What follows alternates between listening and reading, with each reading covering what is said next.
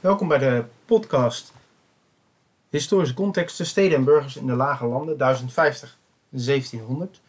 De eerste vraag die centraal staat bij deze aflevering 2 is: wat maakte de opkomst van een stedelijke burgerij in de Nederlandse gewesten mogelijk? Vorige keer hadden we gezien dat er steden ontstaan door uh, landbouwinnovaties, waardoor de bevolking groeit, dat uh, daardoor een geldeconomie ook ontstaat om handel te vergemakkelijken en dat dat in Vlaanderen leidde tot hele sterke verstedelijking. En doordat de adel daar uh, via belastingen geld mee kon verdienen, steunen zij dit.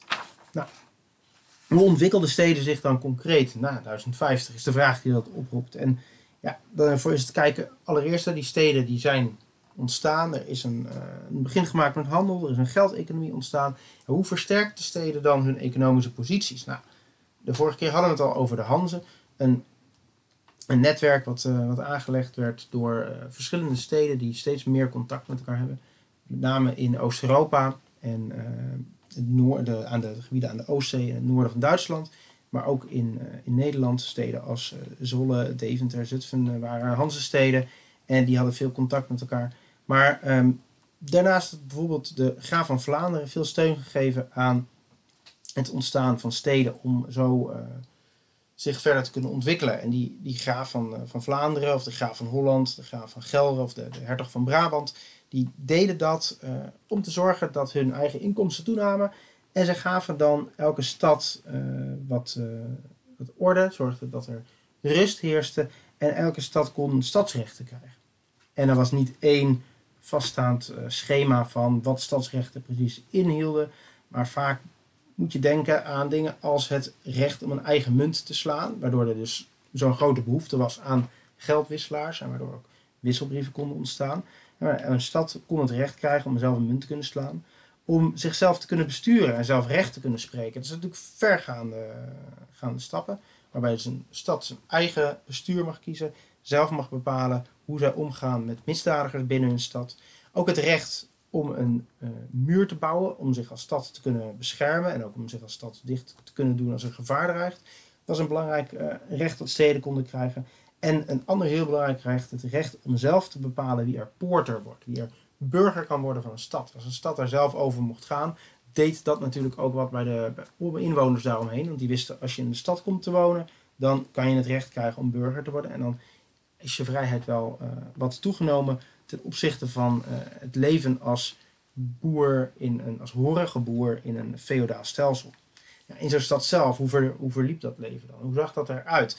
Want zo'n stad mag zichzelf besturen, mag zelf recht spreken, heeft eigen munteenheid, heeft zelf het recht uh, over het burgerschap, kan zichzelf verdedigen met een, stadsmuur. Dat is een soort van, soort van, van landje. Maar in zo'n stad zelf, dat was niet alleen maar voordeel. De stad was vies en ongezond. Er was geen riolering aanwezig, maar mensen woonden daar wel dicht op elkaar. En niet alleen mensen leefden dicht op elkaar, mensen hielden daar vaak ook nog wel wat koeien en vaak varkens en kippen. En dat uh, krielde daar allemaal door elkaar. Dus de ziektes, uh, ja, die tierden daar welig en de sterfte was heel hoog. Daarom was er permanent, uh, voor stedelijke groei dan, permanent immigratie nodig uit het achterland. Dus vanuit de omgeving van die stad moesten voortdurend mensen uh, daar die stad groeien en zich daar gaan vestigen, daar gaan wonen. Om zo'n stad te kunnen laten groeien en überhaupt om die bevolking op peil te kunnen houden. Want jaarlijks werden er in de stad minder mensen geboren dan dat er daar uh, overleden. Ja, het burgerschap wat je kon krijgen, waarmee je uh, dus rechten kon krijgen om bijvoorbeeld te stemmen wie je de stad ging besturen, was eigenlijk alleen maar bereikbaar voor kinderen van burgers of voor rijke immigranten of soms ook voor goede ambachtslieden. Niet iedereen kreeg dat. Dus als jij als uh, eenvoudige, horige boer naar de stad vlucht, wil dat niet zeggen dat je gelijk burger kan worden. Je moet dan dat wel uh, gaan verdienen. Behalve als jij geboren bent in de stad. Of als jij naar de stad gaat met een grote zak geld, dan ben je ook welkom. Of op het moment dat jij een vaardigheid hebt, dat jij een ambacht beheerst, wat heel uh, gewild is. Veel inwoners die konden dat burgerrecht dus niet krijgen. Het waren ongeschoolde arbeiders, paupers, ook mensen die dus geen uh, vast inkomen hadden, die vaak ook van de, van de bedeling moesten leven, die dus van de, kerk, uh, liefdadigheidsorganisaties eten kregen. En zo'n stad bood dus wel kansen voor, voor welvaart, voor vrijheid, maar niet per se voor iedereen. Het was nog steeds wel een vrij, een vrij hard bestaan. Nou, Vlaanderen, Noord-Frankrijk, dat was een groot gebied waar, waar begon die verstedelijking en waarom juist daar? een van de eerste plekken in uh, de lage landen die verstedelijkt, dat is Atrecht. Tegenwoordig Arras, net in het noorden van Frankrijk, een tiental kilometers uh, zuidelijk van, uh, van Vlaanderen. En dat was een stad die had al een bisschopszetel. Er zat al een bisschop en daardoor bleef het ook wel een beetje een stad. Ook in de middeleeuwen, ook in het jaar 800, in het jaar 1000, toen er nog niet zoveel handel was, daar zat een bisschop en rondom die bisschop zaten wat, wat mensen die daar ehm, in, de, in reliquieën konden handelen. Mensen die jaarlijks naar die stad toetrokken omdat er nou eenmaal een bisschop zetelde. Een aantal schrijvers die voor de bisschop teksten kunnen, de Bijbel bijvoorbeeld, kopieerden. En op die manier bleef Arras wel een klein beetje een stad, ook voordat de handel opkwam. Maar rondom Arras werd veel, eh, werden schapen gehouden, werd veel, vond veel landbouw plaats. Er werd dus ook wol geproduceerd. En via jaarmarkten in Frankrijk was er contact met Genua, plaatsen in Italië. En vanuit Genua, Genua weer contact met kruisvaarders. En die kruisvaarders hadden contact met de Arabische wereld, met India, met het huidige Indonesië. En zij konden op die manier dus komen aan hele exclusieve specerijen als kaneel of foelie of cardamom of peper. En via de jaarmarkten werd daar uh, handel gedreven. Die jaarmarkt had je veel in Noord-Frankrijk. En die uh, planden hun uh, jaarmarkt vaak in een stad op de heilige dag van, een, van de heilige van de, van de stad zelf. En op die manier had je in Noord-Frankrijk elke week wel een periode lang dat er jaarmarkten waren. En kon je dus als handelaar prima daar naartoe gaan. En de waar die je in de ene plaats niet verkocht, kon je op een andere plaats verkopen. Nou, Arras Atrecht had ook zo'n jaarmarkt. En rond 1200 was dat een, behoorlijk machtige stad geworden. Want daar, um, daar werd handel gedreven. Door die wolproductie was daar uh, een grondstof voor de lakenindustrie. Kon daar dus die lakense stof gemaakt worden. Die vervilte wollen stof die warm is en waterafstotend. Dat kon verkocht worden. En doordat jaarmarkten er waren, kon die stof niet alleen in Atrecht zelf verkocht worden, maar ook veel verder rondom uh, in Frankrijk verkocht worden. Nou, rond 1200 is Atrecht dus op zijn machtigst, maar je moet dat wel enigszins in perspectief plaatsen, want dan heb je rond de 12.000 inwoners die in dat, die plaats wonen. Dus zo groot is het nog niet. Maar de steden die er zijn, zijn ook op dat moment nog niet heel erg groot, met name in Noordwest-Europa. Als je zou kijken in, in, in, gebieden als China of India, zijn steden veel groter, maar wij richten ons op de lage landen. Ja, door die handel wordt de positie van steden sterker. Hoe, hoe komt dat dan? Ja, door die handel neemt de welvaart in steden toe. Wordt er ook steeds meer overgeschakeld op een geldeconomie. En dat is in eerste instantie heel gunstig voor hoge edelen. Die gaan de komst van steden stimuleren. Die verkopen hun stadsrechten, hebben daardoor heel veel inkomsten, krijgen daardoor steeds meer geld. Die heffen ook belasting, krijgen ze ook meer geld.